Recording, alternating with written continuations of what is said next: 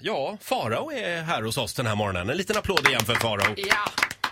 Ser lite sliten ut efter helgen tycker jag. Ja, Jag har sovit väldigt dåligt. Jag var på bio igår och såg en skräckfilm så att jag har varit haunted hela natten. Oj. Ja. Oj då. Usch. Var du själv på bion eller? Nej, jag var Nej. där med Jens. Jens. Hej Jens, om du lyssnar. Ja. Veckans kex. Ja. Veckans kex! Hej Jens! Hör gärna av dig och berätta hur det var igår Jens. Uh, Faro, ikväll är det eh, QX gaygala. Året, Ja. Årets roligaste gala måste man väl ändå säga. Det får stå för dig. Ja men det är väldigt uppsluppen stämning och alla tycker att det är roligt att vara med på den Det galan. får stå för dig! Ja, då är det jättekul med gaygala. Ja, eller hur? Det får stå för dig! Faro är lite bitter för han inte har vunnit något pris där än. Och att jag aldrig blir bjuden. Jag går i den enda galan i hela världen som jag går på som plus en alltid. Den enda galan i hela världen alltså som du inte blir... Ja, okej, bra jag antecknar det här. Faro måste göra som alla andra, betala för sin biljett. Nej, usch vad Men du, du, du hade lite funderingar inför gaygalan ikväll. Ja, man tänker att man ska förbereda sig. Nu riktar jag mig nu framförallt till de som ska vara med så här. Och ni som är nominerade till pris och läs till exempel Måns Zelmerlöw vinner årets hetero för Ja. några- många år sedan. Han är, ju lite av en QX-favorit kan man kalla honom. Eh, och hela hans tacktal handlar om hur glad han är för oss gays. För hade det inte varit för oss, då hade han aldrig träffat Marie. Just Finns inte en bög som vill höra det. Hela vår uppväxt är förföljd av att vi har wingat ihop killarna vi vill knulla med med den snyggaste Barbie-dockan i 9B. Alltså vi vill inte få det wrapped in our faces på vår egen För gala. de, de träffades på gaygalan. Ja, exakt. just det. Det är känsligt alltså. Nej, det Och Marie satt och fnissade på rad tre och kastade slängkyssar och han bara Marie, you know I'll fuck your brains out later. Du vet, och vi bara yeah we know too! But how about us?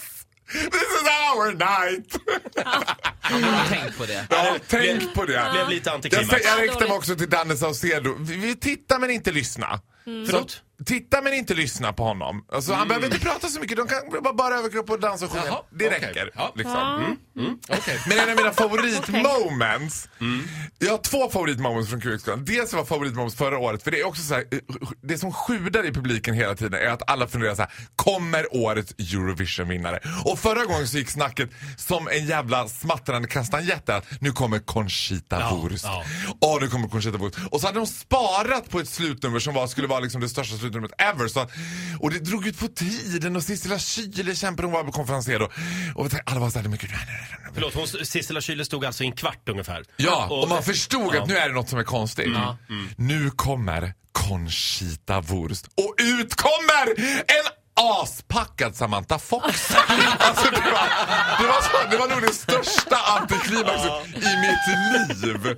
Och det andra roligaste jag varit med om i hela QX historia, det var att Maria Montazami var där i en otroligt tidig del av Maria Montazamis genombrott. Det här var långt innan hon blev så utmjölkad som hon är nu. Liksom. Och det roliga med Maria Montazami var att på den tiden så förstod hon absolut inte sin egen storhet. För hon skulle dela ut pris till årets bok. Alltså Maria Montazamis roll var alltså enbart att dela ut pris till årets bok. Hon kommer ut till Dancing Queen. Hela cirkus står upp och applåderar en kvart.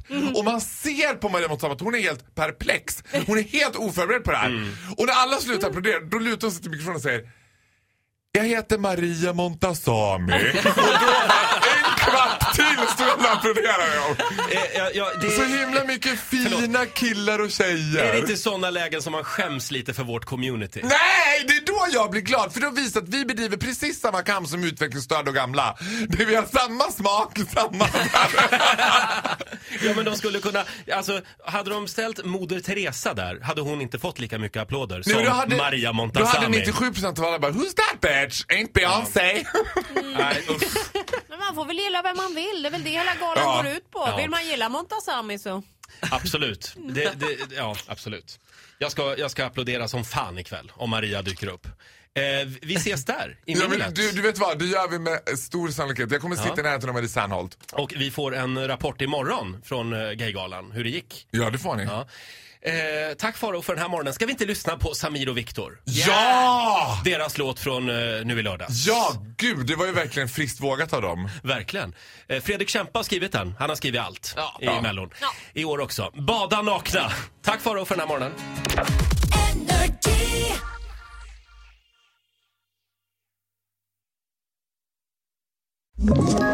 Ett poddtips från Podplay. I fallen jag aldrig glömmer djupdyker Hasse Aro i arbetet bakom några av Sveriges mest uppseendeväckande brottsutredningar.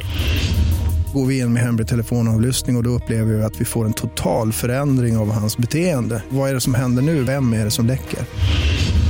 Och så säger han att jag är kriminell, jag har varit kriminell i hela mitt liv men att mörda ett barn, där går min gräns. Nya säsongen av Fallen jag aldrig glömmer på Podplay.